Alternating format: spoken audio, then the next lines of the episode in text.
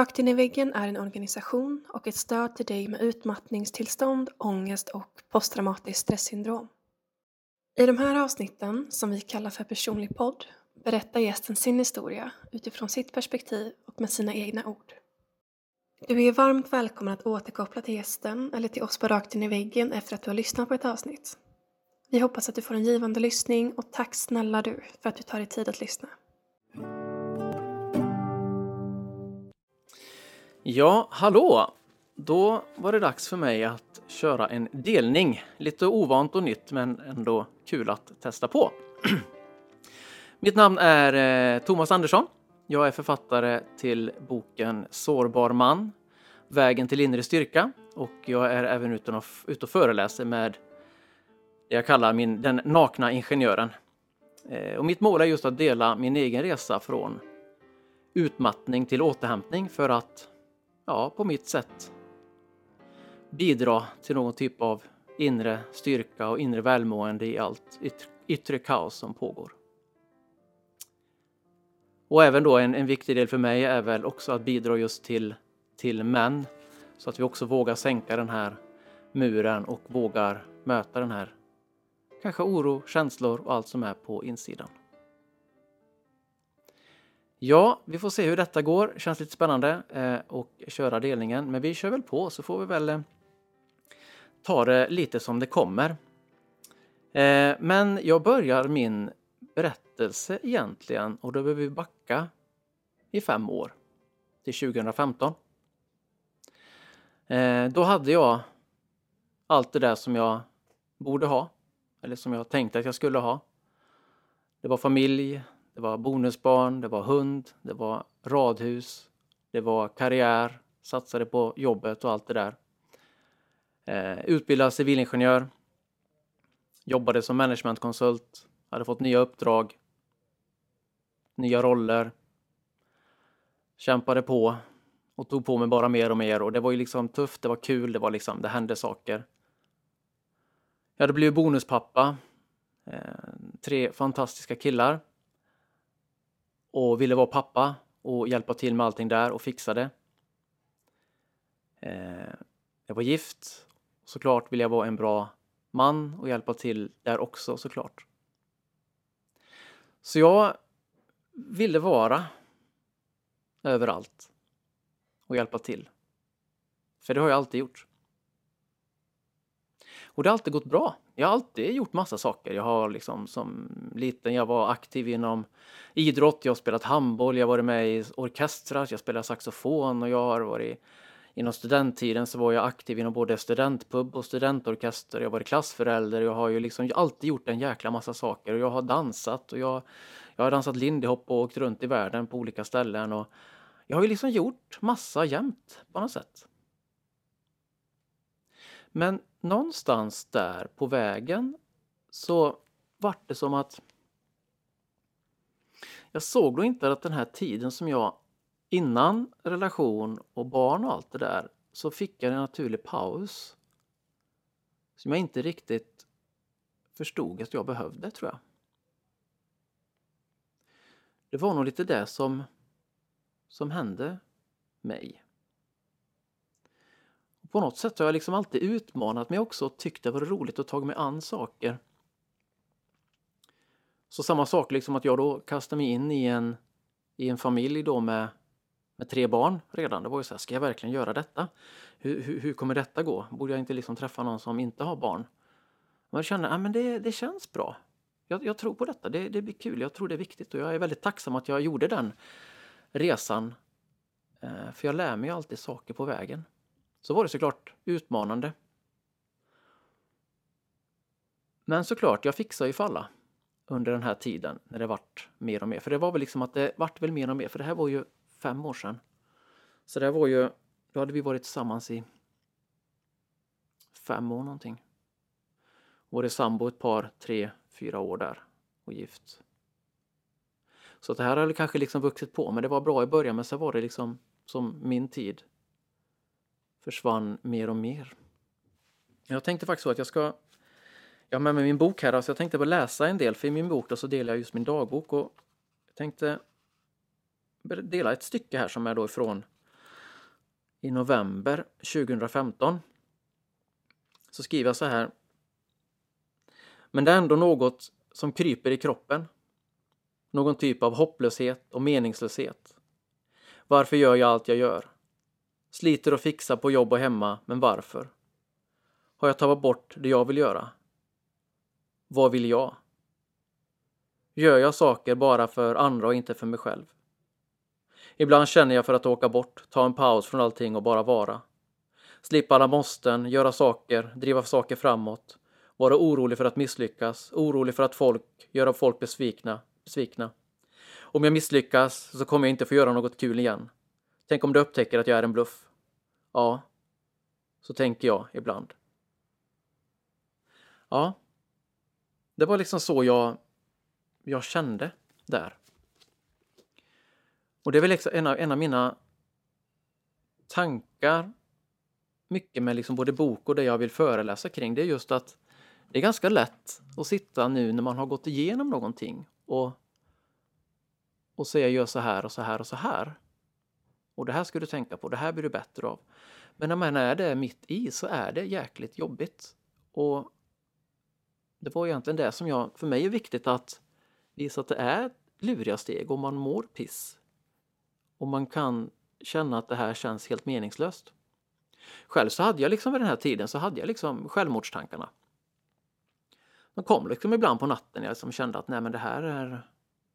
Det är liksom, jag behövs ju inte. Jag är bara bra för att, att ha och göras. Liksom. Jag är bra på jobbet att jag gör saker, jag är bra att jag driver saker framåt. Jag är bra hemma för att jag gör saker, men, men vill man ha mig egentligen? Det var liksom min grundkänsla där, att egentligen vill man, vill man egentligen ha mig? Eller vill man bara ha det jag gör? Och när de här självmordstankarna kom så på något sätt insåg jag också att jag kommer inte, jag kommer inte göra det. Det liksom kände jag att jag kommer inte ta mitt liv. Så jag tillät de där jobbiga tankarna att de kom där liksom. Men samtidigt så är jag en person som ja, tycker om att hjälpa andra. Eh, så jag tänkte då om jag då tar mitt liv, då får ju inte min familj någonting på livförsäkringen. Så jag lekte då med tankarna, hur kan jag se till att det blir en olycka? För om det är en olycka så kan ju då, då får ju min familj ut på livförsäkringen. Så jag tänkte, ja, ska jag liksom ta på mig mycket kläder eller typ ramla ner i vattnet och drunkna liksom sådär. Men såklart, det berättar jag inte för någon. För vem är man då liksom?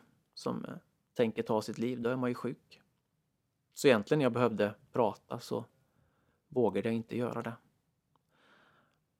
För det är lite konstigt, för det är ju bara en, på något sätt en, inte bara, men det blir ju att när man inte ser en väg ut så kände jag i alla fall att då är det ju det som gäller då. Men det var också någonting som hände under den hösten.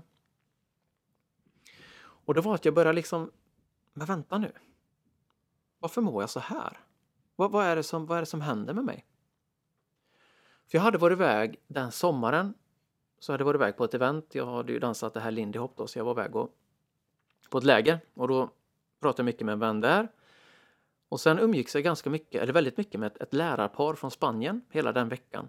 Och då gick jag mycket med tanken att egentligen vill man ha med mig att göra och så. Ursäkta, nu ska jag ta lite te. Jag känner min has, hals rossla lite grann.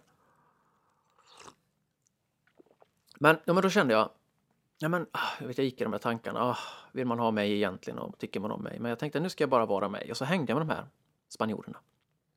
Och vi hade jättekul. Jag tänkte liksom, vill de hänga med mig? De är ju jättefina. De kom fram och de liksom verkligen ville hänga med mig. Och då sa den tjejen sista dagen, sa till mig, Thomas, you're a good person. Jag? Tycker den här fantastiska människan om mig? Ja. Så då tänkte jag, men vänta nu. Jag har, och så sa min vän då som jag var med då, han sa liksom det var lite grann att kanske vet, det var lite mycket på jobb och det var relationer och liksom vad händer för relationen tar slut och då kommer jag inte klara mig. det var lite det här katastroftänket av att om jag gör slut då kommer jag, då är det kört. Så därför stannar jag kvar, jag vågar inte prata om saker för tänk om jag råkar prata om saker, det jobbiga, då kanske allt försvinner och hur ska det här gå? Men så, så liksom fick jag liksom, han påminner mig att men, du har ju mått bra innan liksom.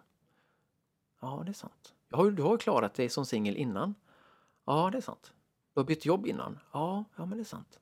Så började jag inse att jag har ju faktiskt mått bra. Så då liksom var det någonting där som började väckas.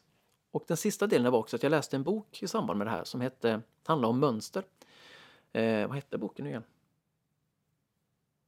Lev som du vill och inte som du lärt dig. Och det är en bok om eh, schematerapi, lite så här KBT och eh, olika grejer. Men i den i alla fall så beskrivs det olika typer av livsteman. Eh, att man kan hamna på ett sätt där man mår dåligt. Och man sätter sig i samma situation om och om igen för att det känns bekant. Inte för att man mår bra i det, men det är liksom din, din kropp och hela du känns som att det här, det här känns invant, jag ska inte ha det bra. Och därför liksom på något sätt hamnar man i de situationerna. Den här boken tar upp olika teman då. Och, och till exempel om du kanske växer upp och, mm, i missbruksförhållanden eller liksom blir, blir misshandlad eller något sånt där. Så kan det vara att du söker det sen i en relation till någon som också behandlar dig dåligt. Och det är just det där att, att känslan är bekant, att det är så här det ska kännas i en relation. Eh, det är lite så de beskriver i den här boken då. Eh, även då kanske att man inte vill gå ut på stan, att det är läskigt. Det kanske också är någonting man har med sig från, från barndomen, att ja men det är ju läskigt att vara ute då. Så den här då i kombination med det här att jag är kanske jag är en bra person och att jag har ju mått bra innan och det här med mönster fick mig att, men vänta nu, vad skapar jag för mig själv? För då kände jag på det här jobbet bland annat att det var typ mitt tredje jobb då liksom som jag hade varit på. Att, ah, men de vill nog inte ha med mig att göra, jag ska nog lämna nu liksom. Och de, är, de är nog glada att de blir av med mig. Men sen inser jag att så hade jag ju tänkt på mitt förra jobb och mitt jobb där innan. Jag hade liksom samma känsla av att nu har jag jobbat upp massa saker. Nu vill de inte ha med mig att göra. Nej, så kände jag måste ändra någonting. Och då vaknade väl den där inre styrkan eller liksom någonting att jag måste må bra. Och det som väcktes hos mig, det var lite grann också för jag insåg att jag käkade inte bra mat utan jag slarvade med liksom, jag är så trött på eftermiddagen, jag måste ha godis och jag måste få i det här och, och träna gjorde jag ju kanske bättre i mitt huvud än vad jag egentligen gjorde. Jag tänkte att jag tränar ju regelbundet men det kanske var det mer sporadiskt.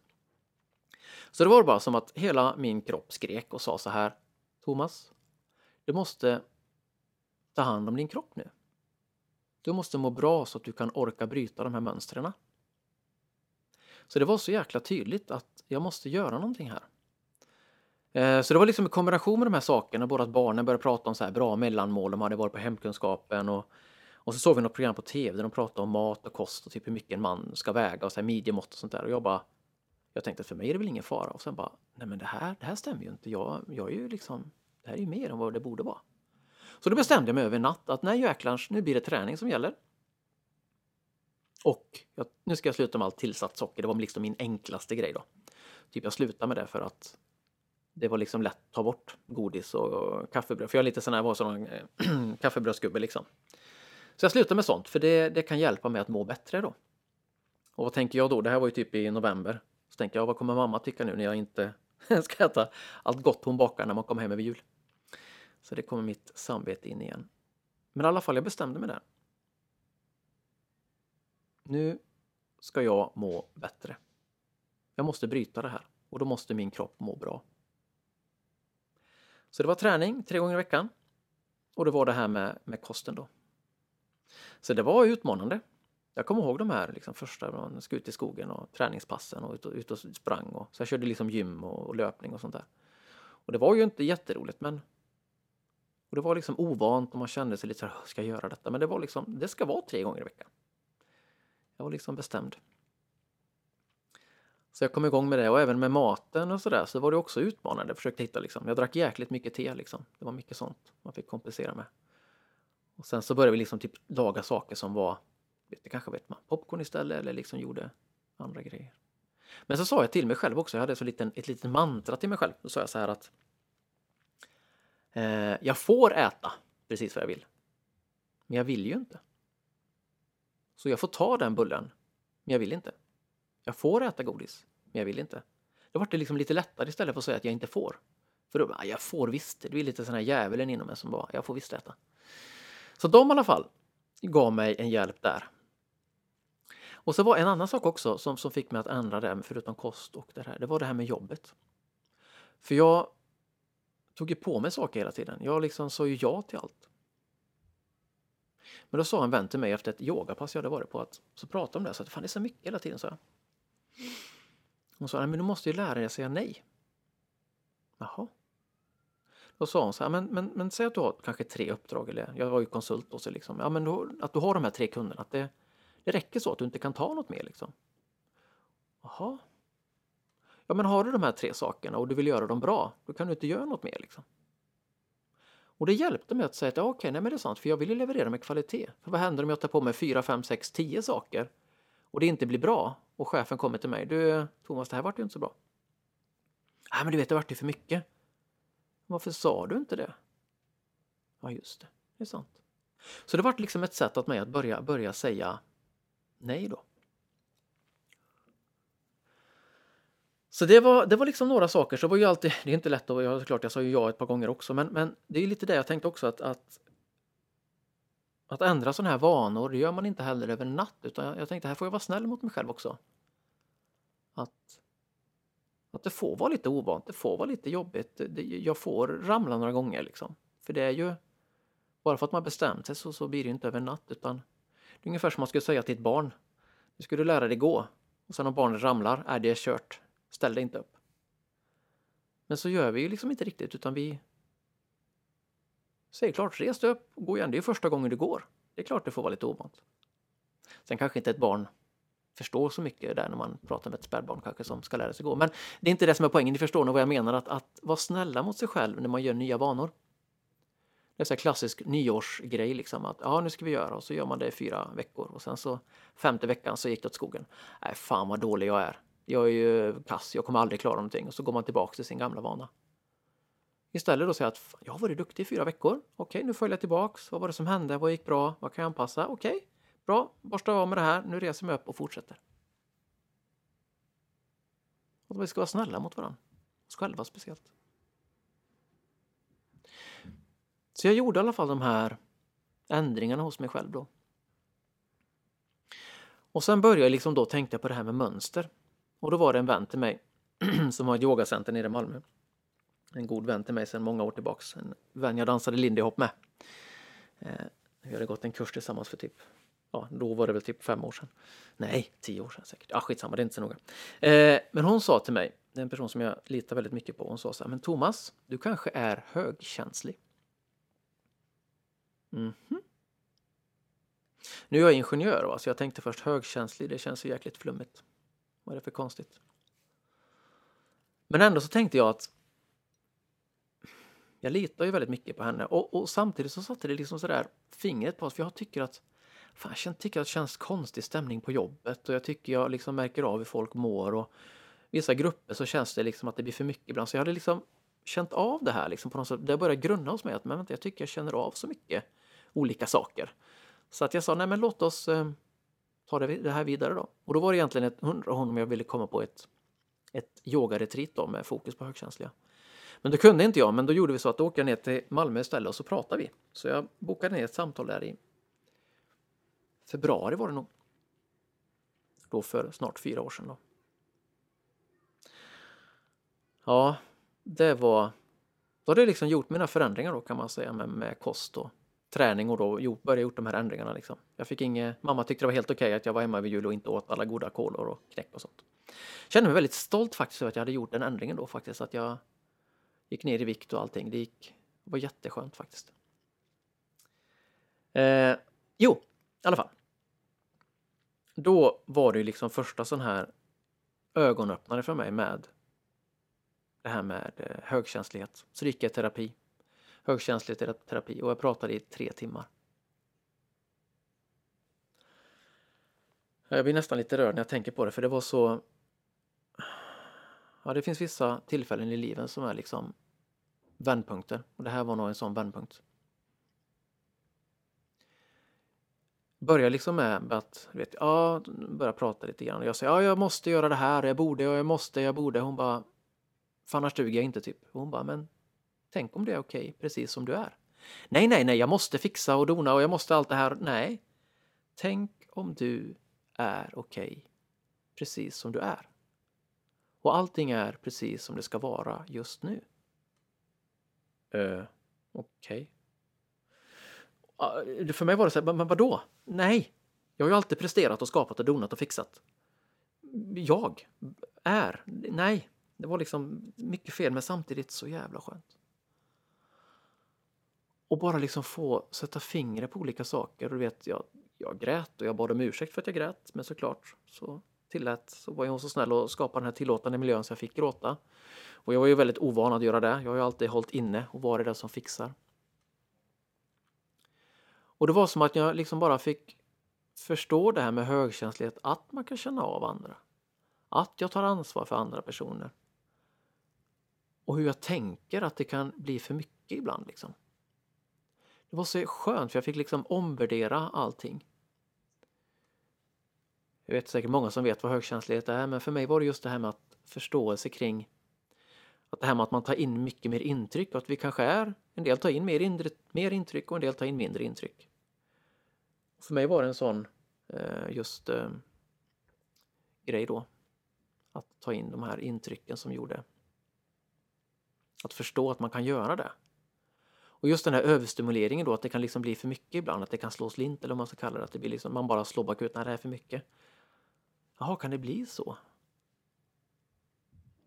För jag har liksom olika exempel där när jag liksom ehm, som jag hjälper mig då i att, att det här med överstimuleringen då som jag brukar säga att man liksom att det blir för mycket alternativ. Jag har ett exempel som jag brukar dra. Det, jag kallar det gå på toa på en båt. heter det. Men det vet jag inte om, om eh, ni känner till det, men om man ska ut och segla eller liksom ut på någon båt på sjön där så är det liksom om man då ska låna toaletten på, på båten där så är det ju en jävla massa spakar man ska trycka på. Och det ska vara liksom dra inte i den och tryck på den och absolut inte dra i den för då typ känns det som att hela båten ska sprängas. Vilket inte kommer hända troligtvis, men det är ungefär så det känns. Och då när den här, liksom, när all den här skepparen då sa till mig liksom, gör det här, det här, det här, det här, det här.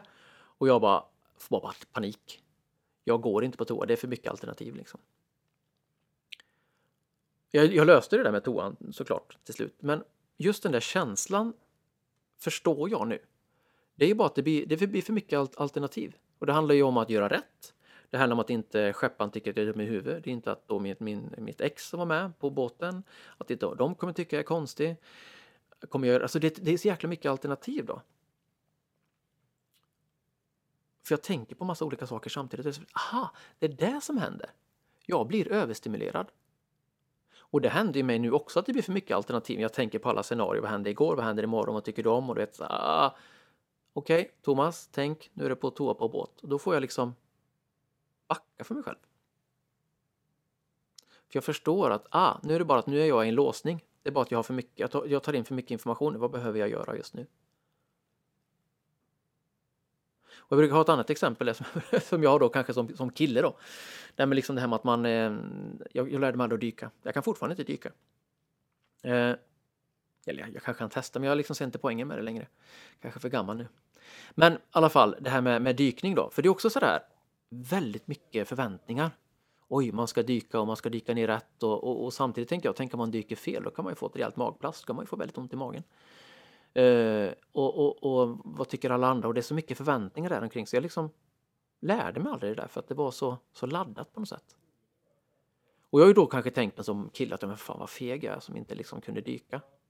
Men sen inser jag att jag har gjort massa andra saker. Jag har ju typ stått på scen och spelat saxofon, jag har spelat i jazzband, jag har dansat, jag har eh, utbildat mig och, och eh, gjort massa saker. Och, men det är kanske vissa saker där som jag liksom då såg att, jaha, ah, ja men det är det som händer hos mig. Det är kanske gör att jag tänker och funderar på ett annat sätt och en del gör så och så. Så det var liksom väldigt skönt att se för då fattar jag mig själv.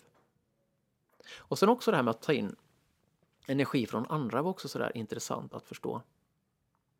För jag har liksom känt ibland när man sitter så här, jag har kanske stått och föreläst eller jag har varit lärare och mycket sånt och då är jag liksom inga problem.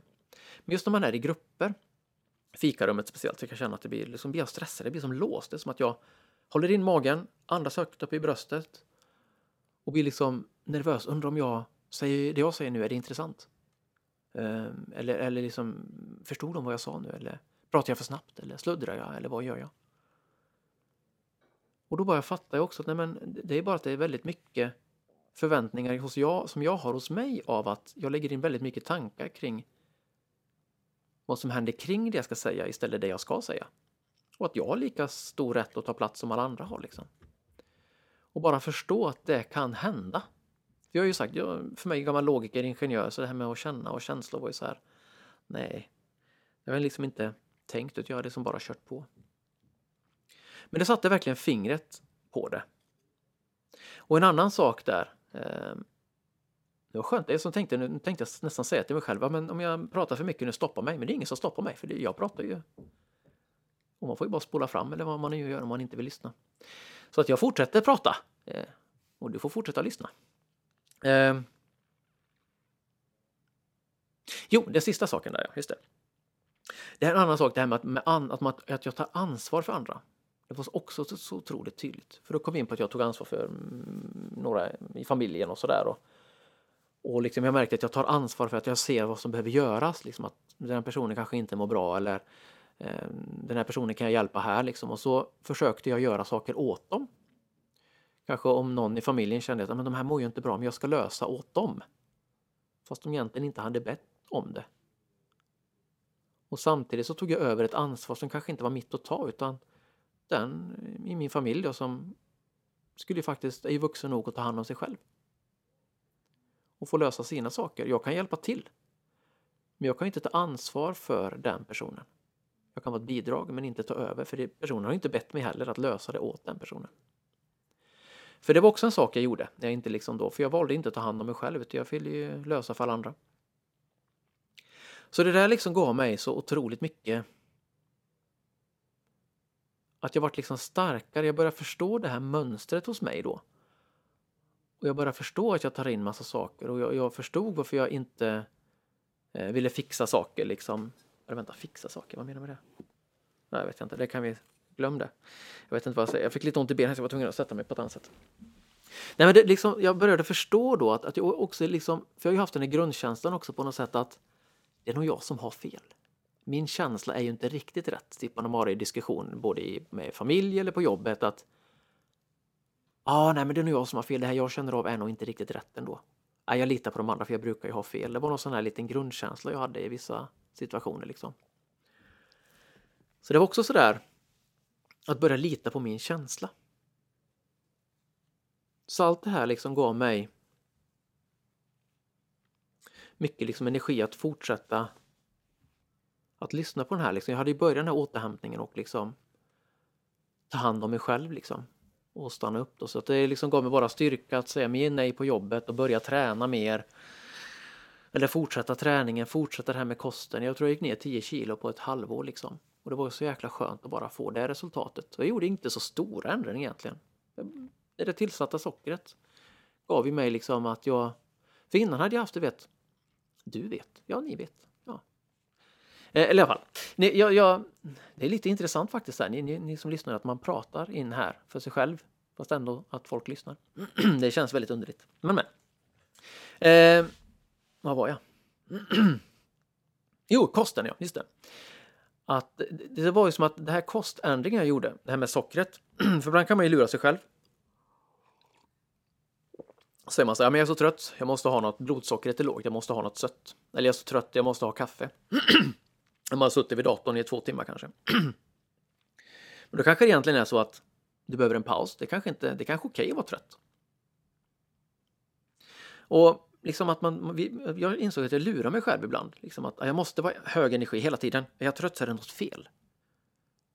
Men vänta nu, din hjärna har gått på högvarv hela tiden. Liksom. Det är kanske okej om du får vila. Du behöver inte liksom fylla på med socker eller kaffe för att du ska skapa mer. Liksom. Ibland är det som att man glömmer när hjärnan är i full spinn så den får inte vila.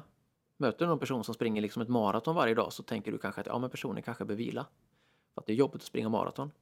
För mig så är mycket hjärnan hela tiden, det syns ju inte. Men jag måste ju också få vila och det är ju inte fel att vila. Om en maratonlöpare liksom blir trött, du är fan vi tar och du får trycka i dig lite extra energi så du orkar ett varv till. Det gör vi liksom inte, vi förstår ju den. Shit vad jag blir harklig. Och sen... Vad var det mer? Jo, det var en bra sak, ja. Nu ska vi se. Vad tänkte jag mer på? Jo, det var det där med kosten, ja. Sockret. Så det var skönt att börja säga nej också. Och en annan sak som stärker mig lite grann där som, som, som ingenjör som också liksom vill förstå detta. Det är också med fantastiska Anders Hansens böcker. Med alla hans det här med, med, med träning och rörelse och det här med intryck. När han just beskriver att liksom röra sig tre gånger i veckan, 45 minuter och få upp pulsen. Det är liksom återskapa hjärnceller liksom. Vi mår bra av att röra på oss. Och notera här att man kan kalla det träning eller att röra på sig. För att röra på sig är ju naturligt och bra. Liksom. Och Det behöver inte vara att man liksom kör de här passen där och där, utan rörelse, promenader, och ute i naturen. Jag är ju själv en vandrare liksom, som tycker om att röra på mig. Men att just att, att rörelse är naturligt och det är någonting vi mår bra av. Och jag märkte det så otroligt tydligt i min återhämtning, liksom hur jag kände mig starkare tack vare den ändringen i rörelse. Och samma sak med kosten, att det är lätt att vi, vi trycker i oss. Och det tycker jag Anders Hansen sätter det så pass fint då att vi lever ju en väldigt konstig, eh, onaturlig och överstimulerande värld egentligen. Vi har ju liksom i alla vad människan har funnits värde 200 000 år någonting. Så har vi levt i brist. Vi har levt i brist på mat och vi har levt i rörelse hela tiden. Vi har liksom varit tvungna att röra på oss. Så egentligen när vi har fått vila, då ska vi vila för att vi rör på oss hela tiden. Och när vi ser mat, då ska vi äta så mycket som möjligt. Vi vet inte när vi får mat igen. Så liksom per definition så vill vi stanna kvar i soffan. Och vi vill fylla på med hög energihaltig mat. Eller socker eller godis då. Och det blir ganska naturligt att vi vill göra det, för det är liksom, säger 200 000 år av historia. Men nu är det ju så att vi rör oss betydligt mindre och vi har överflöd av mat. Så vi är ju en väldigt, väldigt konstig sits. Och det är just för mig i alla fall är det mycket att jag är medveten om att jag vill må bra och jag mår bra av att röra på mig. Och jag mår bra av att äta också. Men desto mer rätt jag äter Alltså just när jag skippade de här sockergrejerna så var det också att jag mådde, jag, jag åt bättre generellt liksom. Jag tycker om god mat. Men just att jag inte hade det här, ofta när jag typ skräp åt så var det liksom lätt att man var så jäkla hungrig, jag fick så dålig energi så jag kom hem från jobbet liksom typ bara, jag måste ha mat nu! Och då var det snabbt och så var det inte kanske bra mat. Nu har jag mer energi i mig och liksom är mer medveten i det jag skapar. Så det var en sån sak som jag tycker är viktigt att han trycker och det är väldigt viktigt idag känner jag i de här tiderna vi är nu med, med corona och mycket stillasittande att vi verkligen tänker på vad är det vi mår bra av egentligen. Och ta hand om oss själva helt enkelt. Och en annan sak han tar upp det är det här med intryck. Som han sa, där så överöses vi med intryck. Och det är också lite nytt, liksom kommer jag på mig själv. Jag fick ju min smartphone tror jag 2011. Innan dess var jag tvungen att plocka upp min laptop för att liksom agera. Eller göra någonting. Annars var jag faktiskt avstängd. Man kollar på TV på sin höjd. Men liksom, man var inte den här interaktionen med kommentarer och gillar och liksom kunna sitta i ett flöde bara liksom timmarna försvinner iväg liksom. Och samma sak där då. Att det är ju faktiskt så att vi är byggda för att ta vara på information och fånga upp faror. Och hela den här tekniken som vi använder idag är ju gjord för att vi ska liksom stanna där. För att det blir liksom att vi, vi, vi söker faror, vi liksom har koll på informationen och det liksom är också biologiskt av att om vi liksom skulle gå upp i ett träd och inte hitta frukt så vill vi gå upp i nästa träd och nästa träd och nästa träd för att någonstans kanske vi hittar frukt. Om vi inte testar igen eh, så kanske vi inte överlever det. Så det är också, också den här fångst av information. Liksom. Att det här med rädslor också, att, att faror är viktigt att ha koll på faror. Lurar en fara där så ska man inte gå ut för då är det risk att vi dör. Så att liksom fånga faror, fånga information, allt det här är ju ett överflöd idag. Så vi behöver liksom träna på att på något sätt stänga av. Och det gjorde jag också då, att jag liksom verkligen tänkte att vi la bort mobilerna, faktiskt flera i familjen, att vi hade en sån mobillåda. Eh, ja, det var ju faktiskt årets julklapp, vi var lite ute, lite före där. Men i alla fall att faktiskt lägga bort den där telefonen ibland. Stänga av notiser. Det gjorde jag då speciellt med jobbet, för det tog ju mycket av min energi. Jag var ju verkligen, jag var ju jäkligt effektiv alltså på spårvagnen så svarade man på de mejlen och man var liksom kant i kant-möten och kunde svara på kvällarna och men min hjärna gick igång på kvällen när jag kollade det där mejlet. Och så sov jag dåligt och sen kunde jag ändå svara bra på morgonen men liksom min, hjär, min, min sömn vart ju inget bra liksom. Så just att liksom få bort telefonen var ju en sån sak också. Alla notiser, markeringar, det blippet liksom. Så jäkla skönt att stänga av. Jag väljer när jag ska ta min information. Också när någon skickar information, man behöver inte svara direkt heller. Det är också en sån där hets. Jag tänker ibland, liksom, tänk när du fick ett brev. Fick man vänta på svar liksom. Det är inte bråttom allting. Det kan också vara lite skönt faktiskt att stanna upp lite grann, för det är inte så bråttom att leva. Det är inte så bråttom att få svar. Liten filosofisk fråga, men eh, man kan ju tänka, ni kan ju tänka själva liksom hur ni agerar nu och hur ni gjorde förut.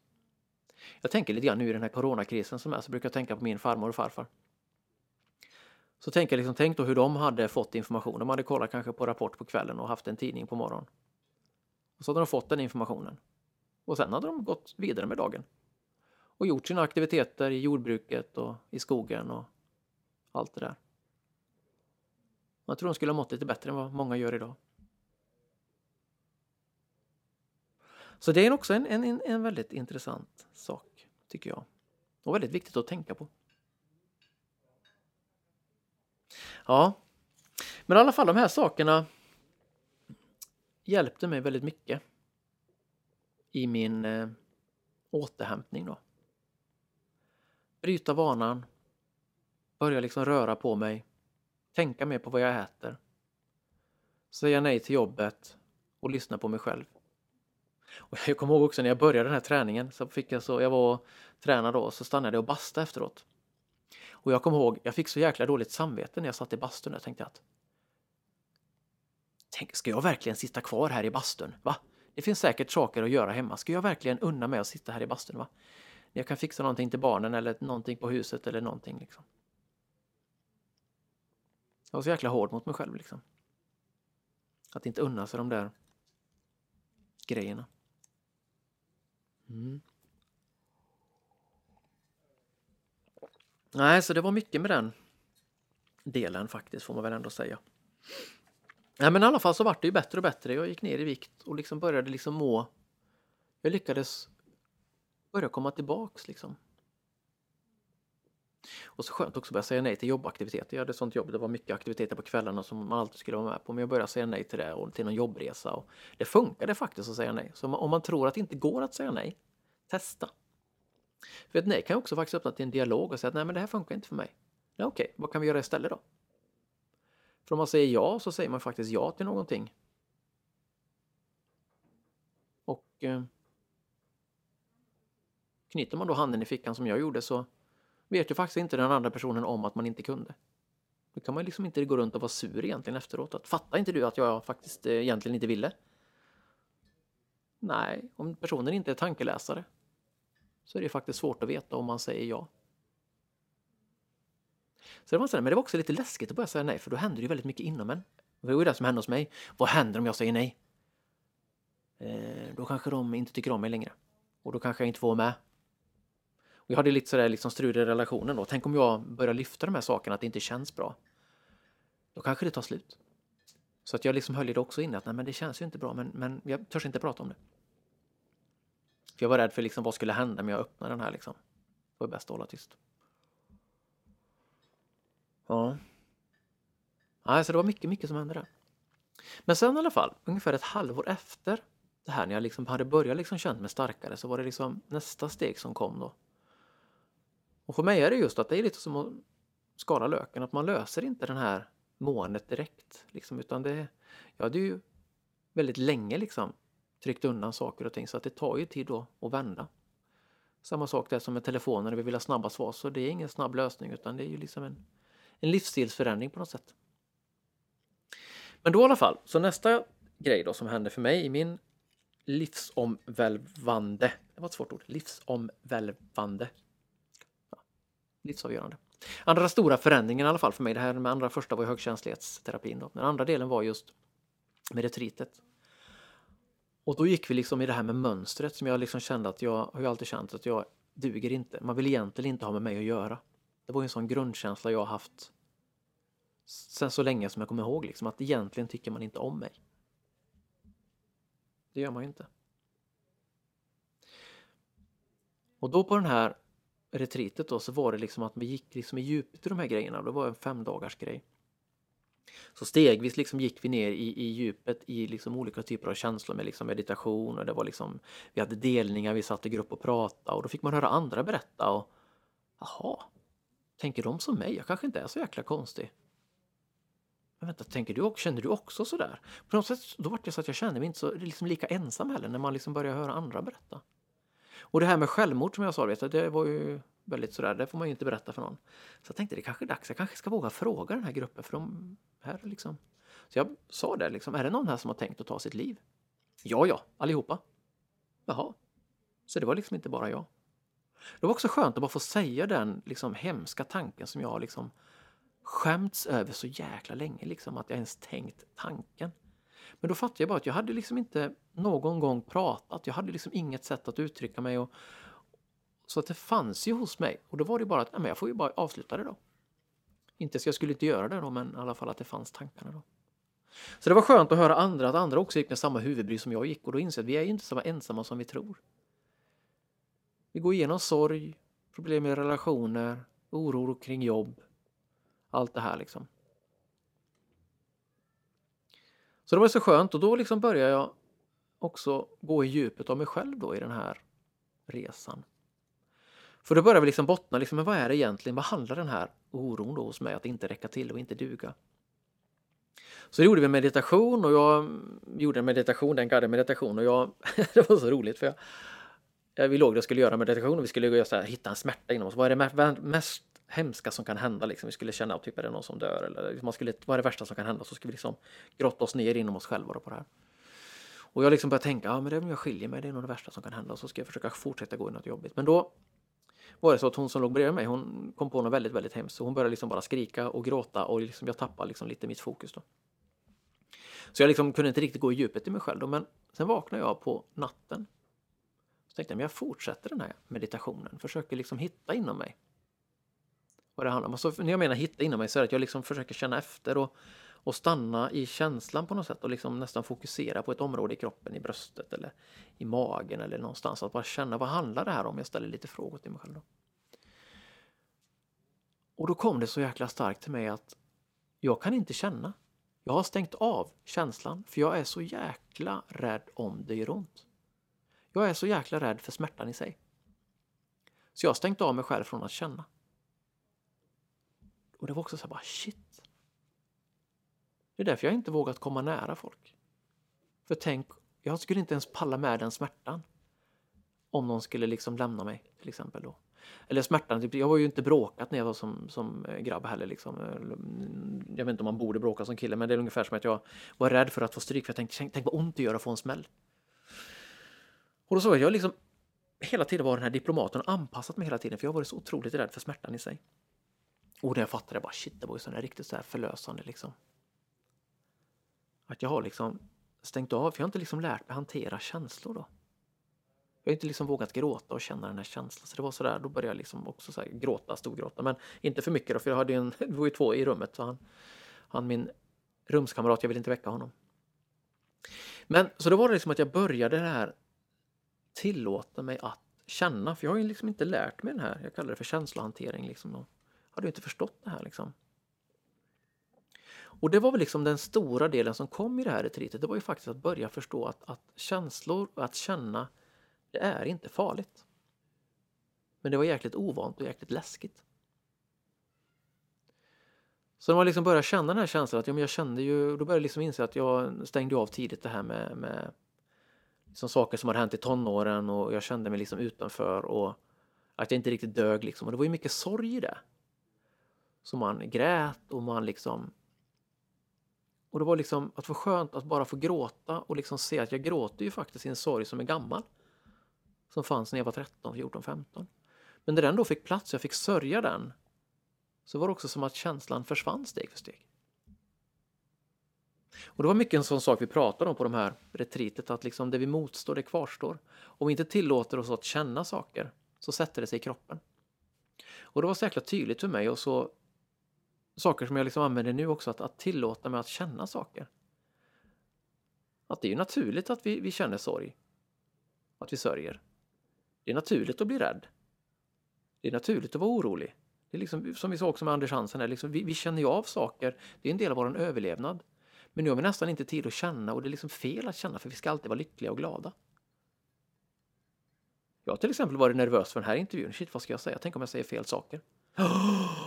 Shit, tänk om det blir fel? Vad kommer folk att tycka? Okej, okay, Thomas, nu blir du rädd. Vad handlar det här om? Ja, just det, nu har du den oron. Ja, nu kommer den till dig igen, för det, det brukar bli så. Okej, okay, då landar vi den. Jag känner den oron, jag förstår vi den. Bra, tack för att du kom och hälsade på, men du kan få gå vidare nu, för jag förstår dig. Vad roliga låter egentligen. Men så brukar jag göra, jag brukar liksom förstå min känsla. För att om jag inte fastnar i den utan liksom ser det som information, att det både rädslor och tankar och känslor så handlar det om vad ger det här för mig för information? Varför är jag rädd? Ja, men jag är rädd för att tappa kontrollen. Eller men till exempel, vi kan ta liksom coronatiderna nu till exempel. Att det är mycket oro kring, vi vet inte vad som kommer hända. Nej, det vet vi inte. Jag vill ju veta vad som ska hända. Ja. Men det vet vi inte. Hur känns det att inte veta? Ja, det är jobbigt. Jag tycker det är, jag tycker det är jobbigt att tappa kontrollen. Ja, okej. Okay. Kan, det, kan det vara okej okay att tappa kontrollen? Och då kanske man kan stanna i den som ett exempel. Då, att man stannar upp och förstår vad det handlar om och tillåter sig att känna känslan på något sätt. Jag vet att det kan låta lite så flummigt och ovant kanske, men egentligen ganska logiskt. För mig som ingenjör. Kanske. För en del kanske redan är solklart. Ha, solklart! Jag är på Solkatten, spelar in. Eh, men jag är i Göteborg också. Men så den i alla fall var en sån liksom, aha, att börja tillåta mig att känna och liksom förstå att saker ligger kvar i historiken då. Så att det var otroligt häftigt faktiskt. Att förstå det här då. Och just när jag liksom började, ja det var ju liksom en av de Alltså när jag började liksom skala den här löken, jag började förstå och jag liksom började se hur jag liksom har känt att jag inte har räckt till så jäkla länge. Jag börjar se det hur jag liksom under tonåren, jag dög inte där och ja, men tjejerna ville inte ha mig och jag gjorde inte den grejen för jag var inte nog bra och jag ville inte riktigt vara med där. Jag såg liksom en sorg i allting som jag hade missat för jag hade tyckt att jag inte dög liksom. Typ att egentligen vill inte mina bonusbarn, de tycker inte om mig egentligen liksom, utan skulle de välja så vill de inte vara med mig och det var, det var hela tiden allt det där jag såg, den här sorgen och, och jag har missat saker liksom.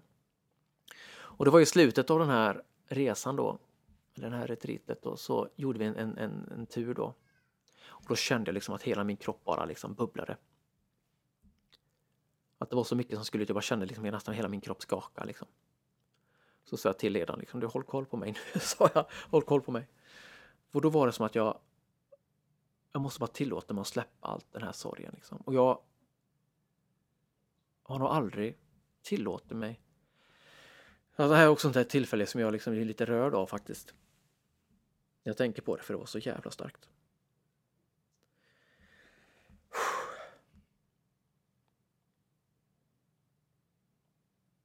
Ja, oh, shit. Nej, men jag liksom då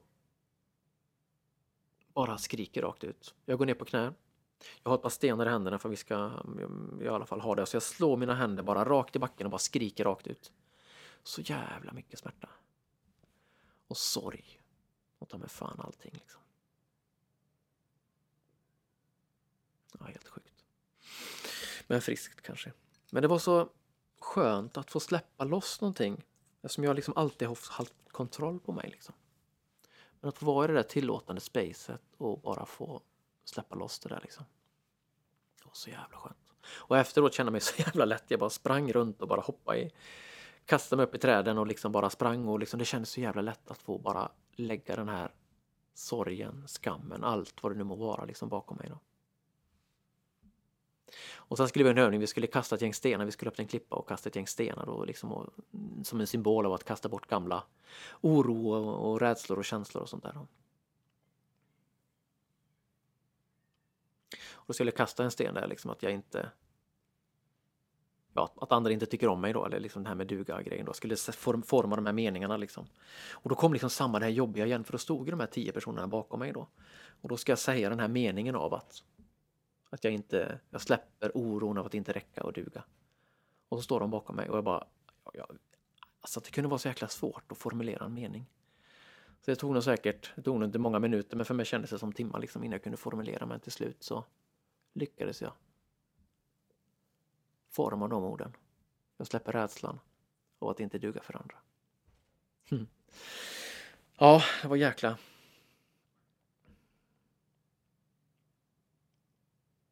Häftigt faktiskt. Och det kan väl också, när man berättar de här liksom inre resorna så är det väl, kan det ju liksom, om man inte varit med om det så kan det låta väldigt konstigt. Underligt kanske. Men om man väl kommer in i det liksom och inte fastnar i de här känslorna utan förstår sig själv, varför man reagerar på olika sätt. Att lita på sig själv. Att liksom, vad är det jag behöver? Då blir det liksom lättare i livet liksom. För livet rör sig upp och ner. Saker händer. Vi går igenom olika saker i livet. Och det är mer hur vi själva hanterar det. Och den kunskapen av vad man själv behöver. Och samtidigt så, jag tror ju att vi, vi är ju här för att hjälpa varandra liksom. Det är därför vi är här på jorden. Men också om inte jag hjälper mig själv så kan jag ju faktiskt inte hjälpa andra heller. Det är många som brukar säga det här med att man ska, när det är flygplanet, att man ska sätta på syrgasen på sig själv först innan man hjälper andra. Och, och, den tror jag är väldigt viktig. att Det är väldigt lätt att man säger att man är egoistisk om man, tar, om man tar hand om sig själv. Men det är ju faktiskt att annars kan man inte hjälpa andra heller. Och samtidigt det här, jag tänker ibland, man, är också, man ska vara osjälvisk och visa barnen att man bara fixar och fixar och fixar till exempel. Men samtidigt om man som förälder alltid då ger vika för sig själv och inte visar vad man själv behöver för att må bra. Då visar vi faktiskt barnen att man inte ska tänka på vad man själv behöver, man ska bara fixa till andra.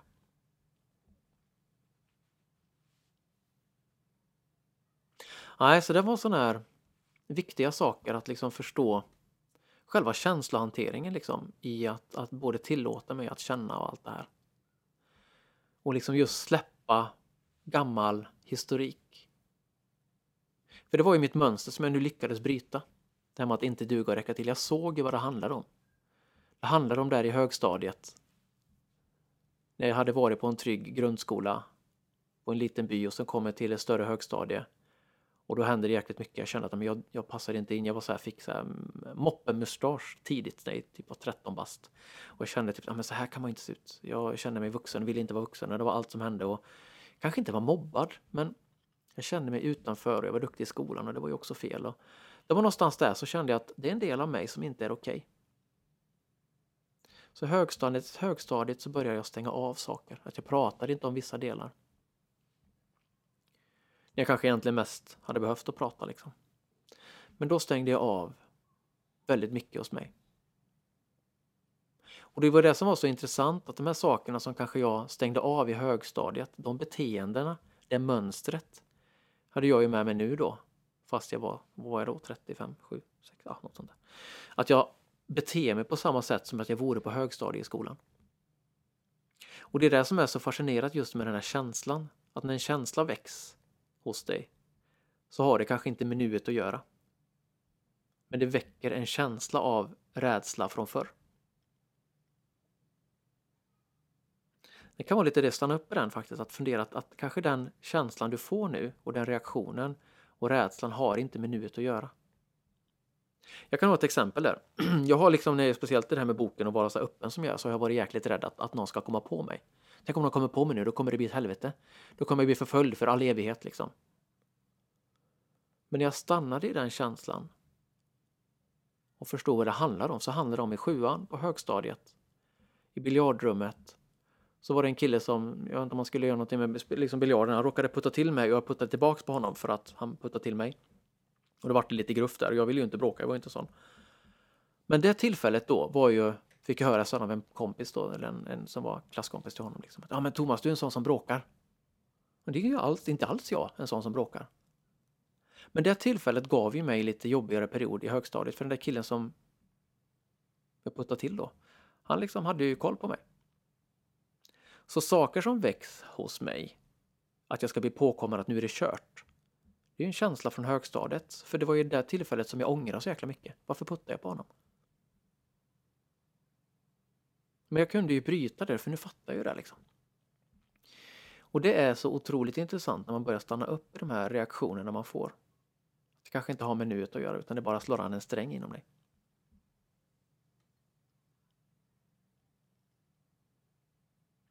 Så den är väldigt viktig. För det är just att då fastnar vi inte i våran historia. som den här boken var. Lev ditt liv som du vill. Och inte som du lärt dig. Och just att vi faktiskt kan lära om. Att vi behöver inte vara fast i den här gamla historiken.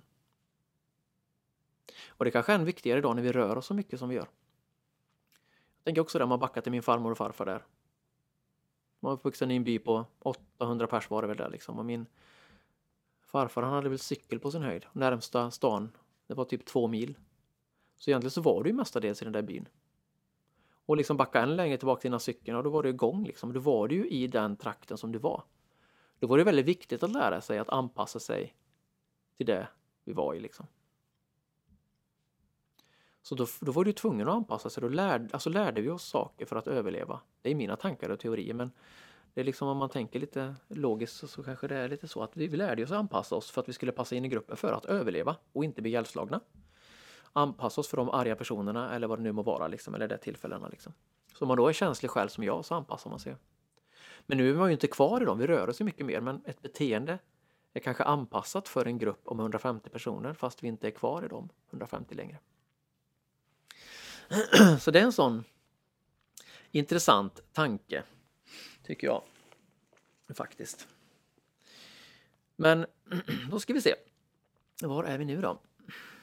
Uh, jo, en annan sak jag tänkte också är viktig, det kanske just varför jag också väljer att dela så mycket och vara så öppen, det är lite grann också för oss män.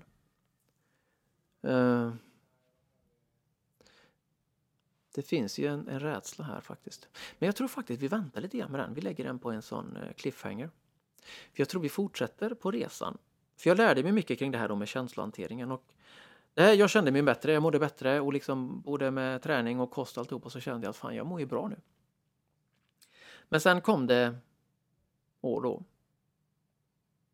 Det var egentligen 2016 som var mitt återhämtningsår kan man säga. Men då sen på kom det en separation sen tyvärr under 2017. Det var egentligen mycket för att jag, vi hade ju inte pratat. Vi hade ju liksom inte vågat prata om det som vi hade känt kanske. Vet att man kanske fixar saker istället, man går och renoverar och alltihopa. Men samtidigt så var jag otroligt dubbel där, för jag var så liksom, det var ju dags nu. På något sätt att, för det var det jag varit mest rädd för, har ju varit nära relationer, att jag har inte liksom riktigt vågat där. Det är liksom en av mina rädslor också som har funnits. Men det var liksom dags då att, att på något sätt ta hand om det här, för att jag visste att nu behöver jag må bra. Och nu har vi liksom inte prata om det här alldeles för länge, så jag visste ju att hur jobbigt det här året må än må bli, så jag har ju lärt mig min känslohantering. Jag har lärt mig att lyssna på mig själv. Så det jag behöver göra när jag går igenom den här sorgen, om det nu blir så, så får jag då hantera den och anpassa mig utifrån det. Så det var liksom ett jäkligt konstigt år hela 2017. Men det var just att jag lyssnade på mig själv. Att jag liksom, just det, det konstigaste med året egentligen var att det var ju ett jäkligt jobbigt år alltså. Men samtidigt också väldigt skönt för jag på något sätt hade ju hittat tillbaks till mig själv på något sätt. Så jag är liksom väldigt öppen med mina känslor. Jag var ju till en, en psykolog då och pratade lite grann kring hur jag kände och hon sa vilken resa du har gjort det senaste året, sa hon. Men samtidigt sa hon, hur mycket du än vill så kan du inte välja åt någon annan. Och min andra andra då var ju då mitt ex att, att även om jag vill testa och säga att jag har kommit till insikt, insikt med så mycket saker. Om hon inte vill, ja, du kan inte ändra vad hon inte vill. Så då valde jag henne. jag var väldigt, väldigt öppen med mina känslor. Så jag liksom blottade mig själv för jag kände att jag vill inte ångra mig sen. Så jag får liksom slicka mina sår sen helt enkelt. Så jag var väldigt öppen och visade vad jag ville. Men tyvärr så hade det väl gått för långt så vi separerade. Men det var också som att jag visste hur jag skulle hantera den. Det är som man säger att att inte bearbeta sina känslor, det är som att försöka fly från sin egen skugga. Så det var liksom, vad behöver jag nu? Ja, jag behöver liksom, det var mycket promenader. Jag var ute och gick morgon och kväll till exempel, för jag behövde bara få landa tankarna. Jag skar ner på antalet intryck med sociala medier och tv, för jag behövde liksom bara få landa mina egna tankar. Alkohol försvann, för jag kände att jag vill inte döva det här, utan jag behöver bara möta de här sakerna som är. Och det fantastiska var också när man tillåter de här känslorna upp och ner så kan det vara kaos. Och så kan det också vara bra. För jag är inte fast i dem. Det kunde vara till exempel att jag kom från jobbet och var helt ledsen efter dagen. Det var bara lä, skit. Jag liksom bara kände gråten var i halsen. Jag kom till min lägenhet, jag hade då flyttat, liksom, så bara öppnar man dörren och så bara sjunker ner som en liten våt fläck längs väggen och gråter och gråter och gråter ett par minuter över det jobbiga dagen som har varit. Sen reser man sig upp, lagar sin mat. Och sen känns det liksom bättre på något sätt för då fick jag släppa ut den här sorgen. För den är, man gråter ju inte i 24 timmar i sträck till exempel. Så jag lyssnade mycket på vad jag behövde och var ute och gick och lät tankarna komma och sådär. Jag spelar ju det här bandet, jag spelar ett band och så ibland är det vissa spelningar och ibland så kunde jag vara helt blä på fredagen och lördagen var typ den bästa spelningen jag någonsin har haft. Liksom. Och det är för mig att inte vara fast. Men också att ge sig respekt och sörja på sitt sätt. Liksom jag ska ner på antalet möten med vänner och, och sådär. Liksom. För jag kände att nu behöver jag ta hand om mig. Liksom. Jag hade vad jag kallar en lyxonsdag. Jag liksom typ gick och yoga och så stannade jag då hade det varit på ett ställe som också hade bad och pool och sådär så då stannade jag alltid och basta och bara bubbelpool liksom för det var min så här återhämtningsdag. Jag bara satt i den där poolen och bara helt tyst och lugn. Det var mitt läkande liksom.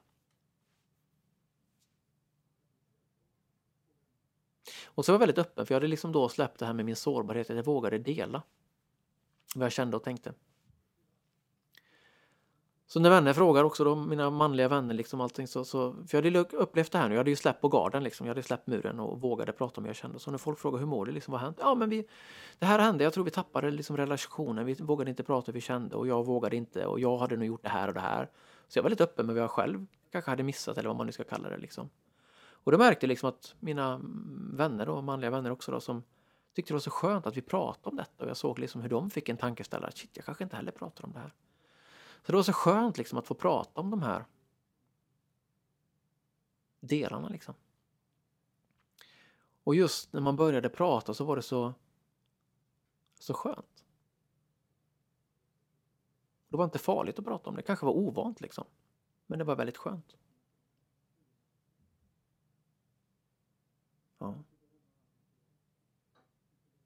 Och en sak, jag tror jag ändå ska ta in det här med, med män och sårbarhet. Varför också för mig är det här väldigt, väldigt viktigt. Eftersom jag själv gått och mått dåligt så otroligt länge. Och det var ju på hösten då, 2017. Så var det ju... Just det, förresten kan jag lägga in innan vi går in på det där. Så faktiskt gjorde jag så att jag gick i pilgrimsleden då. Eh, sommaren 2017. Och det var också en tid för mig att stanna upp och få ännu mer tid att reflektera då. Och verkligen få space, du vet, vandrar man 20-25 kilometer per dag så fick man verkligen landa i sig själv. Så liksom allt det här med sorgen och sådär, det liksom fick ta sin plats liksom. Och all, man fick liksom tid att reflektera över allt möjligt, det var jäkla skönt. Men i alla fall den hösten så var det killmiddag och det här metoo-delen och killmiddagar och annat. Och då så var det mycket delningar och då upptäckte jag när vi var på de här middagarna så finns det en otrolig längtan hos män. Att få prata och dela. Och det var märktes, så fanns ju, vi fick så samtalsguider och vi pratade om olika områden. Och det var så skönt, vi fick den här tillåtande miljön. Det var ingen som skrattade bort någonting och vi lyssnade och det var så tydligt. Och sen också den rädslan som fanns, men det här kan jag inte prata om med mina andra manliga vänner. Och här tror jag att vi har en av de en väldigt, väldigt viktig del om vi ska komma vidare med jämställdhet, mm, psykiskt välmående, eh, misshandel. Alltså det finns så jäkla mycket som ligger laddat här. Eh, det är såklart lite mina egna teser men lite bara. Jag har ju samlat kanske information från det jag läser. Jag läser ganska mycket. Men för om man tittar på till exempel statistiken med självmord så är ju 70% av de som tar sitt liv är män. En av fem män saknar nära vän att prata med. Eh, American Psychology Association släppte en rapport 2018 kring det här med, det är alltså en guidelines för psykologer hur man ska tänka när man hanterar pojkar och män då i samtal. Och liksom vilken historik man har med sig och det här tävlingsinriktade dominansen, att det är liksom direkt skadligt. Att det finns liksom att både skadligt på insidan hos män och utsidan. Då. Så att det händer väldigt mycket kring det här då. Och just det, så kommer den, alltid när jag pratar om det här med, alltså om, om man pratar om det här kring män då, så kommer alltid frågan. Och då män, ska vi gå runt och vara känsliga hela tiden? Nej. Det handlar inte om det. Du kan snacka sport och fotboll och bilar och ja, nu tar jag bara de grejerna. Men det handlar ju faktiskt om att när det behövs så ska du kunna prata med dina vänner. När du mår dåligt så ska du kunna säga att jag, jag behöver prata nu. Att faktiskt ta hjälp när det behövs. Det är liksom det som är det viktiga. För det finns, ja nu ska vi se, nu kommer könet kanske bli lite hoppigt men eh, ja, det är ingen som kan hindra mig. Ni lyssnar ju. Men alltså för det finns massa olika aspekter här som jag tycker är viktiga att förstå, förstå kring manlighet. För det är, många män är ovana och rädda. För att vi har någonstans inte lärt oss att hantera de här känslorna för de har någonstans tryckts bort. Vad det må vara, det vet jag inte men om man liksom tar lite olika teorier och, och man reflekterar kring saker så till exempel om man säger det här med om vi tar backa med det här överlevnad och det biologiska. Ponera då förr kanske, eller hur det nu var, att liksom mannen hade ett ansvar eller liksom hade då den här rollen av att dra in pengar eller någonstans göra någonting på olika typer av jobb eller ute på... Så kanske du är tvungen att bita ihop. Och det kanske inte var okej okay att eh, liksom sticka ut till exempel. Kanske var en hårdare miljö så att du liksom har valt att, valt att stänga in liksom att det är viktigare att vara med i gruppen än att faktiskt yttra vissa saker. Det kanske fanns en rädsla. Jag vet till exempel min morfar till exempel, han vart ju han jobbade i gruvan men han jobbade ju på förrådet. Han vart ju mobbad, han fick eh, Aschberg så började skaka på händerna då. Och då vart han liksom, då vart det otydligt han skrev liksom. Så vet jag att mamma berättade att han, han blev mobbad då liksom och det tyckte han, det vart jobbigt och det tog ju väldigt hårt på honom. Men liksom det där att skratta och mobba bort någon då så kanske gör något annorlunda liksom. Så jag tror det kan ligga liksom en, en historik och ovana att prata. Och så finns det också en annan, det finns en, en kvinna som heter Emma Leisner som har skrivit en bok också och var med i Sommarprat förra sommaren. Hon pratar lite grann kring killar i skolan. Nu kommer jag inte ihåg om det var hon som hade gjort studien eller om det var någonting hon hade fått till sig. Men i alla fall så gjorde man en studie och kollade på liksom vad är manlighet. Man gjorde olika värderingar av ord. Då. Så ska man liksom, den manliga mannen och mannen och sen den destruktiva mannen och den feminina mannen. Då. Så skulle man liksom gradera det på olika sätt och liksom vilka olika typer av värdeord som fanns då. Och det som var intressant då, så då hade den manliga mannen och som vanliga man då. Men, men, men, men sen hade du liksom på, på nedersta platsen så var det, vad är, liksom, är det den destruktiva mannen? eller är det den, den liksom feminina mannen? Och vad är, vad är liksom sämst, eller vad man ska kalla det, att vara då? Ja, nej, men då är det faktiskt bättre att vara en destruktiv man än att vara en känslig man. Eller vara en feminin man. För det ses liksom som mer fel. Så liksom som hon då beskriver, i vissa då, om du liksom är eh, i vissa, bland killar då, i vissa grupper då, så kan det vara att du ska absolut inte vara feminin. Så till exempel är det att vara duktig i skolan och plugga, ja men det är tjejigt, då ska man inte plugga. Vilket också visar sig i skolresultaten är då i vissa grupper och så har ju killar sämre betyg. Ja, och vissa, så det, så det, är liksom, det finns många, många aspekter där men det är ju en, en aspekt att du ska inte vara feminin. Till exempel då.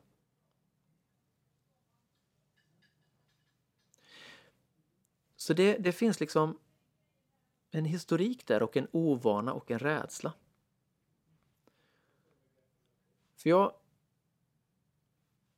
Och det är väl den som jag tänker vi behöver liksom ge respekt till. Såklart, män, män och kvinnor är olika men till, jag tror man säger, liksom till 90 procent är vi lika. Eh, och det var någon studie också jag läste kring att kring, kring känslighet då att, att om man tittade på barn, fem års ålder och spädbarn, så kollar man på killar och tjejer vid spädbarn.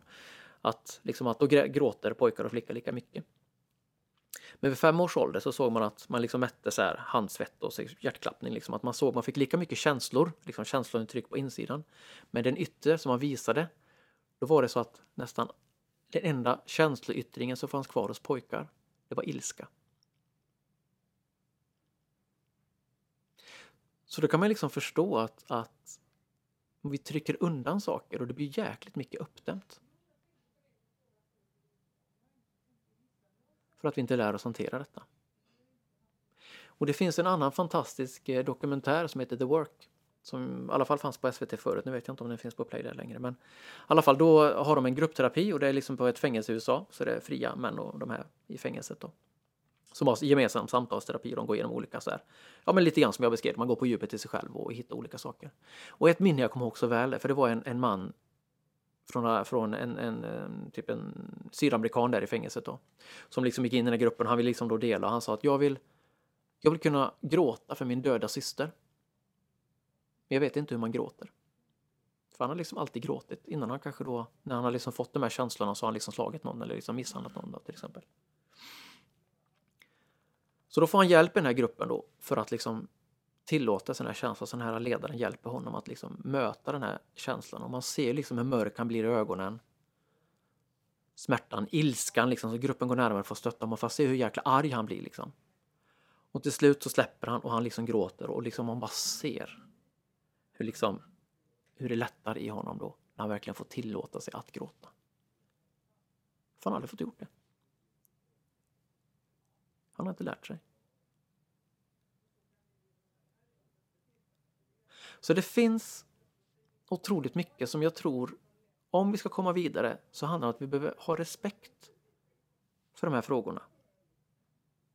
För går vi in liksom i, i fight och säger men män är så och då, då, då, då, ja, men då går vi direkt in i en konflikt och så ska vi bråka om det. Istället för att vi behöver hjälpa varandra och ha respekt för att det kanske, jag läste någonstans liksom, men har din pappa sagt till dig att han älskar dig? Nej, det har han inte gjort. Vilken dålig pappa. Men det kanske är så att den pappan inte faktiskt tycker det är jätteläskigt. För han, det här liksom, det, det slår, det, det, är liksom jätteläskigt för honom att säga det. För han har aldrig lärt sig. Så jag tror såklart det är skillnad bland yngre då, att man är mer öppen. Men, men i olika generationer så finns det en, en, en rädsla och en oro. Och den behöver vi ha respekt för. Och kanske då vi som är som har barn eller liksom som är män, äldre män eller liksom mellan, mellangamla eller vad man, fan, vad man ska kalla det. Nej, att vi själva då behöver liksom förstå att det är ovant. Vi kanske behöver också möta oss själva för att se till att vi inte skickar vidare de här destruktiva delarna utan faktiskt förstå att det finns en ovana. Hur vill jag att min son ska växa upp? Hur vill jag att min son ska lära sig hantera de här sakerna? Och då behöver vi också lära oss själva att hantera de här känslorna. Att förstå hur vi själva funkar och förstå att det finns en oro, oro och rädsla. Eftersom min bok heter Sårbar man va, så, så har jag ju liksom märkt det här under året så otroligt tydligt. Jag stod på bokmässan i september och många kvinnor kommer fram. Vad skönt att män äntligen, liksom att någon äntligen skriver om detta. Liksom, för att, att man förstår att det inte är farligt att känna. Det är inte farligt med känslor. Det är liksom, men många män blir så låsta. Det är så skönt liksom. Så det var liksom ena bilden jag fick. Men samtidigt var det liksom så många män som jag upplevt också, förutom bokmässan vid andra tillfällen. Det är som att min bok är radioaktiv. Sårbar man? Nej, det vill jag inte vara. Oj, oj, oj, nej, det är jätteläskigt. Det är ungefär som att skulle jag ge dem boken så skulle de släppa den liksom, för de inte ens vill hålla i den. Jag var på ett café och så pratade jag också med någon och så var det en som köpte då, en kvinna som köpte boken. Och satt en man mitt emot. Här är kanske något för dig. Och han, du vet, han vred på sig så in i bomben. Ja, oh, nej, nej, oh, oh, oh, jag visste inte alls hur jag skulle hantera det. Det var jätteläskigt. Och där har vi liksom själva essensen är ju då att män är, har inte vanan, man är väldigt rädd. För att säga då att, att tänk om jag tar den boken. Jag vet själv att jag var ju rädd för att vara bög. Men tänk om de tror att jag är bög. Det spelar egentligen ingen roll. Men det fanns ju en rädsla hos mig egentligen sen, sen länge då. För det var ju, jag fick ju sådana skällsord liksom. Är du bög eller liksom? Under tonåren då. Och det är ju det är, så, det är så löjligt, men egentligen är många rädd, men tror jag, rädda då för att tänk om någon tror att jag är bög. Eller homosexuell, vilket ord man nu ska använda. Förlåt om jag använder fel. Men att det finns en, en, en oro där att, att man faktiskt inte ens kan säga att men det spelar ingen roll, de får väl tro vad, vad de vill. Men det är liksom en rädsla av det här feminina att stå utanför. Eller att bli kallad känslig. En del kan säga, liksom, kanske också man raljerar med sig, men är du kvinnan i familjen eller kvinnan i förhållandet? Att det finns något negativt där. Så att det liksom på något sätt så, så, finns det så mycket laddning i det där som man kan skratta åt. Man kan tycka är löjligt. Men också så otroligt viktigt att vi ger det respekt. För det är nästan så att de här känslorna är förenade med livsfara. För tänk om jag blir utanför gruppen. Tänk om jag blir ihjälslagen. Jag vet inte hur jag ska hantera det.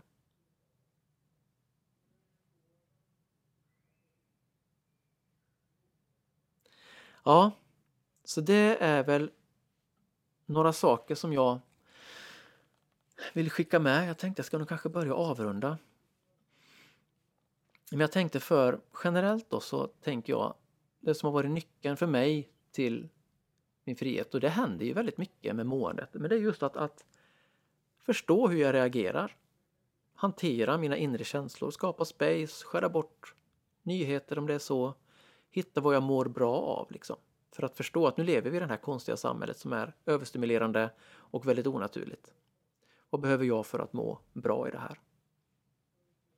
Och sen såklart så, så ibland så faller man alltid tillbaks. Eller nej, det är så jag vet ibland jag kom på mig själv, vet, man, man känner att yes, nu mår jag bra, nu har jag kommit förbi den här utmattningen, nu är det liksom, nu, nu mår jag bra, nu är det lugnt. Och så känner jag en dag bara, ah, nu är det kaos, nu är, det, nu är mitt huvud borta, det är kört, allting, allting fallet liksom.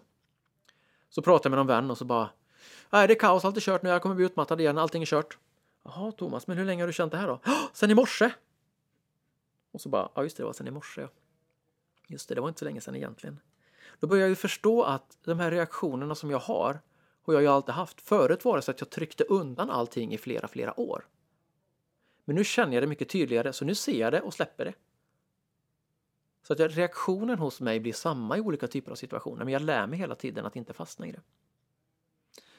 Så det är liksom en av mina nycklar att liksom på något sätt se att vi är liksom i en den här världen liksom. Och också jag bara rätta till mig stolen här. Alltså se på omgivningen, att också fundera på du har dig själv att titta på. Hur du själv mår, hur du själv kan hantera dig själv och förstå dig själv. Och sen också tänka hur påverkar omgivningen dig? Det kan också vara att folk mår dåligt kring dig. Kan du hantera dem? Och liksom också skilja på vad är dina känslor och andras känslor? För också en känslig person som jag är så kan man ju känna av stämningar hos andra och då kan man också fundera, är det jag eller andra? Ska jag ta ansvar för att lösa andras mående? Eller vad ska jag själv göra? Så det är också en sån där viktig sak. Jag tänker också det med, med mycket hysteri och oro nu liksom, så, så är det ju väldigt oroligt. Och det är en orolig stämning. Blir man mer orolig då kanske? Också stanna upp lite grann. Är det, vad är det egentligen som händer? Och sen också det här att det är ju faktiskt att vara snäll mot sig själv på resan. Att ta det steg för steg. För mig har det tagit liksom flera år. Jag gjorde min första vändning. Som jag sa, när jag liksom började ändra min kost. Och det, var lite utmanande i början, och ovant, ja, man faller tillbaks. Men jag tänkte att det här ska, nu ska jag vända detta. På ett halvår så hade jag liksom gått ner både i vikt och jag kände mig mycket bättre. Och sen lite senare kunde jag liksom må bättre i psyket liksom. Och såklart var det inte så att jag gick, var ett, var ett, ehm, allt var kaos hela tiden, utan men jag var liksom hela tiden steget bättre och bättre, att jag kunde ta hand om saker hela tiden. Så det är lite grann att man ser det som att skala löken och vara snäll mot dig själv i processen så kommer det gå bra. Du har en styrka inom dig om du nu känner något så här. Så har du en fantastisk styrka inom dig. Du har, ja visst känner du det nu ja. ja. Du har ett frö där inom dig som vill någonting. Som du är väldigt snäll mot dig själv så vet du vad du ska ta för första steg. Testa dig fram, lär dig, se det som en lek. Låt det ta dina steg, sätta dig i rörelse, inte lägga så mycket hårda, tunga värderingar i allt så kommer det gå bra. Så jag tänkte bara avsluta med en, en historia kring det här med, med manlighet. Eh, jag pratade med en, en, en bekant så pratade vi kring det här med manlighet och han sa just det att då hade de ett grabb, grabbgäng som sågs varje år. Och då började han se liksom då på sin pappa. Så såg han att fan, är, min pappa har ju inga vänner. Det är bara via, via, hans, via min mamma liksom. Och då började han se att men, om vi i det här killgänget ses och pratar på samma sätt igen om gamla minnen, den här sporten, det här hände på studenttiden, det här hände då och då, så kommer vi också tappa varandra, för vi lever inte nu. Man liksom sa, ibland kunde man ju liksom komma hem och så fråga hans fru liksom, men hur var det med han och han, har du hört att uh, hans eh, fru eller någon är sjuk liksom? Nej, det pratar vi inte om. Liksom. Så då liksom insåg han att men om vi ska liksom växa starkare så behöver vi liksom hjälpa varandra. Så han tog upp det där och det är faktiskt en sak jag tycker är viktigt, att man pratar om att prata. Att liksom hur vill vi umgås? Så de tog upp det på den här helgen, eller grabbhelgen då som de skulle ha. Att vi, då sa han, jag tycker det här och det här, jag, jag skulle vilja prata mer om liksom att vi pratar om de här, de här sakerna för jag vill att vi hänger ihop på lång sikt. Jag vill inte att, att vi att det här dör ut. Jag vill att vi ska växa tillsammans. Och det var en riktig vändpunkt sa han. Sen dess så så de här, här eh, grabbhelgerna är visst väldigt, väldigt fina. Och de delar mycket och pratar på ett helt annat sätt. Men att just att ta det där första samtalet, och det kanske man också kan ha både i, relationer och med andra, att, att man kanske inte pratar om det känsliga först, utan kanske pratar om att prata. Jag, vill, jag skulle vilja prata mer om det här. Hur ska vi göra det? Hur känns det om vi skulle göra det här och det här? Och så kanske några inte vill, men det är okej. Okay. Men det är kanske några som vill. Ja. Så det är väl det jag tänkte dela med mig. Jag tror inte jag har någonting av min delning kvar just nu. Känner mig nog ganska nöjd. Så stort tack för att ni har lyssnat på mig. Mitt namn Thomas Andersson, författare till boken Sårbar man, vägen till inre styrka. Finns som pappersbok, e-bok och även nu ljudbok som faktiskt jag själv har läst in. Så det är om ni inte tröttnar på min röst efter det här och liksom lyssnat ända hit, då kan ni få lyssna på mig om och om igen. Ja, det kan ni göra i den här podden också såklart. Men ja, ni förstår vad jag menar. Men eh, jag börjar svamla, så jag väljer att avrunda där. Stort tack för att ni har lyssnat. Hej då! Vill du också medverka i Rakt in i väggens podcast? Besök vår hemsida för mer information på www.raktinivaggen.com medverkan. Om du vill tipsa oss om en poddgäst eller om du har en fråga eller synpunkt på det vi gör kan du alltid mejla oss på podcast raktinivaggen.com för att få svar. Tack för att du lyssnar.